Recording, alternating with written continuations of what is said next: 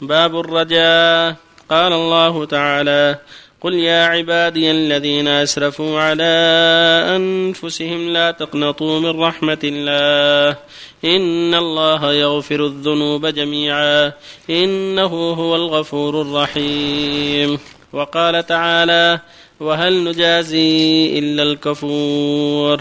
وقال تعالى أنا قد اوحي الينا ان العذاب على من كذب وتولى.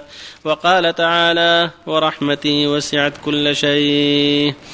وعن عبادة بن الصامت رضي الله عنه قال قال رسول الله صلى الله عليه وسلم من شهد أن لا إله إلا الله وحده لا شريك له وأن محمدا عبده ورسوله وأن عيسى عبد الله ورسوله وكلمته ألقاها إلى مريم وروح منه وأن الجنة حق ونار حق والنار حق. أدخله الله الجنة على ما كان من العمل متفق عليه. وفي رواية لمسلم من شهد أن لا إله إلا الله وأن محمدا رسول الله حرم الله عليه النار.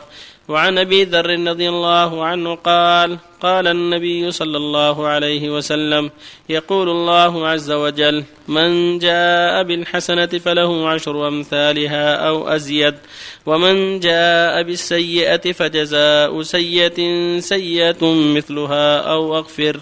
ومن تقرب مني شبرا تقربت منه ذراعا ومن تقرب مني ذراعا تقربت منه باعا ومن اتاني يمشي اتيته هرولا ومن لقيني بقراب الأرض خطيه لا يشرك بي شيئا لقيته بمثلها مغفره رواه مسلم وعن جابر رضي الله عنه قال جاء أعرابي إلى النبي صلى الله عليه وسلم فقال يا رسول الله ما الموجبتان؟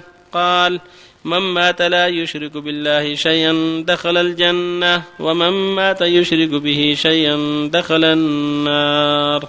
رواه مسلم. بسم الله الرحمن الرحيم. الحمد لله. صلى الله وسلم على رسول الله وعلى آله وأصحابه ومن اهتدى بهداه. أما بعد هذه الآيات والأحاديث كلها تتعلق بالرجاء وأن الواجب على المؤمن ألا يقنط من رحمة الله وأن يكون بين الخوف والرجاء. فيخاف الله ويرجوه هذا هو الواجب. فيخاف الله ويبتعد عن السيئات ويرجوه ويعمل بالطاعات ويحسن ظنه بربه. قال تعالى في أهل الإيمان من الرسل وأتباعهم إنهم كادوا يسارعون في الخيرات ويدعوننا رغبا ورهبا رغبا رجاء ورهبا خوفا. وكانوا لنا خاشعين فالواجب على كل مؤمن أن يكون بين الخوف والرجاء. يخاف الله ويرجوه يخاف الله ويرجوه ويعمل بطاعة الله ويؤدي حق الله ويبتعد عن محارم الله. قال تعالى قل يا عبادي الذين أسرفوا على أنفسهم لا تقنطوا من الله. إن الله يغفر جميعا. إنه هو الغفور الرحيم. لمن تاب إليه. الآية في التائبين بإجماع المسلمين. أنها في التائبين. وهكذا قوله ولا تيأسوا من روح الله. إنه لا ييأس من روح الله إلا القوم الكافرون. فلا يجوز للمسلم أن ييأس ولا يقنط بل يحسن ظنه بربه ويتوب ويبادر بالتوبة والعمل الصالح. وهكذا جميع الأحاديث الواردة في الباب كلها من هذا الباب. قال تعالى فمن كان يرجو لقاء ربه فليعمل عملا صالحا ولا يشرك بعبادة ربه أحدا. إذا كان يرجو فليعمل عملا صالحا. قال تعالى فلا تخافوهم وخافوني إن كنتم مؤمنين. ولا تخشوا الناس واخشون فيخشى الله ويرجوه. يضم إلى الرجاء الخشية ويضم إليهما العمل. وهكذا الأحاديث الواردة في هذا الباب بابها واحد. حديث عبادة حديث جابر حديث أبي هريرة كلها بابها واحد. من مات على التوحيد يرجى له المغفرة والنجاة من النار إذا استقام على دين الله. أما إن مات على المعاصي فهو تحت المشيئة.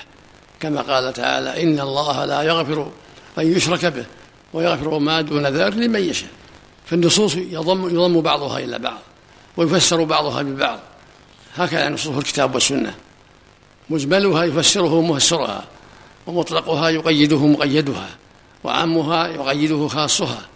حديث عبادة في من شهد أن لا إله إلا الله وأن محمدا رسول الله وأن عيسى عبد الله ورسوله وكلمته قال منه والجنة حق والنار حق.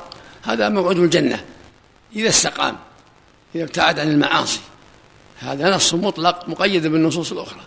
فمن جاء بالتوحيد والإيمان واجتنب المعاصي فهو موعود بالجنة وإن جاء بالمعاصي مع التوحيد فهو تحت مشيئة الله عز وجل. إن شاء عذبه وإن شاء غفر له وعافى عنه. وهكذا حديث من جاء بالحسنة فله عشر أمثالها أو أزيد يعني أو أزيده على العشر. ومن جاء بالسيئة فله مثلها أو أغفر ومن تقرب من ذراع تقدم منه باع ومن أتاني يمشي أتته هرولة.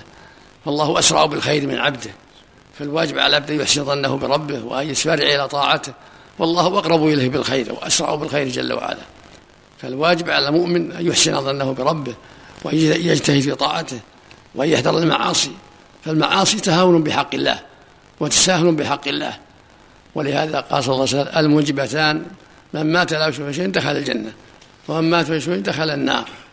أما ما دون ذلك من المعاصي فهو تحت المشيئة لكن من مات على الشرك فله النار. ومن مات على التوحيد فله الجنة. وإن عذب قبل ذلك. وإن جرى عليه خطوب. كل الآيات التي جاءت في فضل التوحيد والإيمان وهكذا الأحاديث كلها مقيدة باجتناب الذنوب والمعاصي. وبالتوبة إلى الله منها.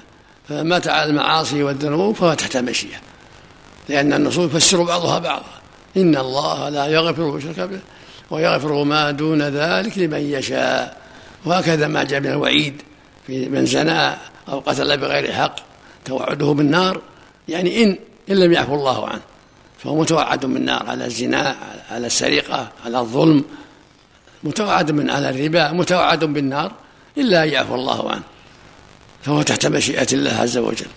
فالواجب على المؤمن أن يبتعد عن أسباب الهلاك وأن يحرص على أسباب النجاة أينما كان وأن لا يغتر بأحاديث الوعد بل يحذر فيجمع بين أحاديث الوعد والوعيد. كلها نصوص نصوص الوعد والوعيد. ولا ينجو من هذا إلا من هداه الله إلى الحق واستقام على الهدى وتاب إلى الله من معاصيه ومات على توبة صادقة. فهذا هو الذي ينجو. أما من مات على المعاصي فهو تحت مشيئته. قد يعذب وقد ينجو. لأن الله قال في محكم التنزيل إن الله لا يغفر أن يشرك به ويغفر ما دون ذلك لمن يشاء.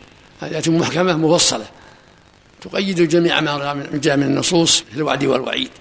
وفق الله الجميع. أحسن الله عملك.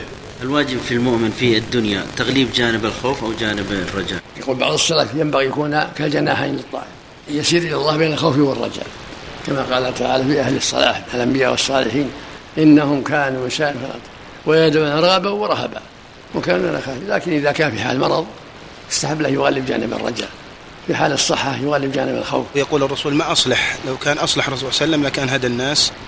ونقول يا أخي لا تسب الرسول صلى الله عليه وسلم يقول سأسب الرسول صلى الله عليه وسلم. ما التصرف معه؟ من سبه كفر. استحق أن يقتل.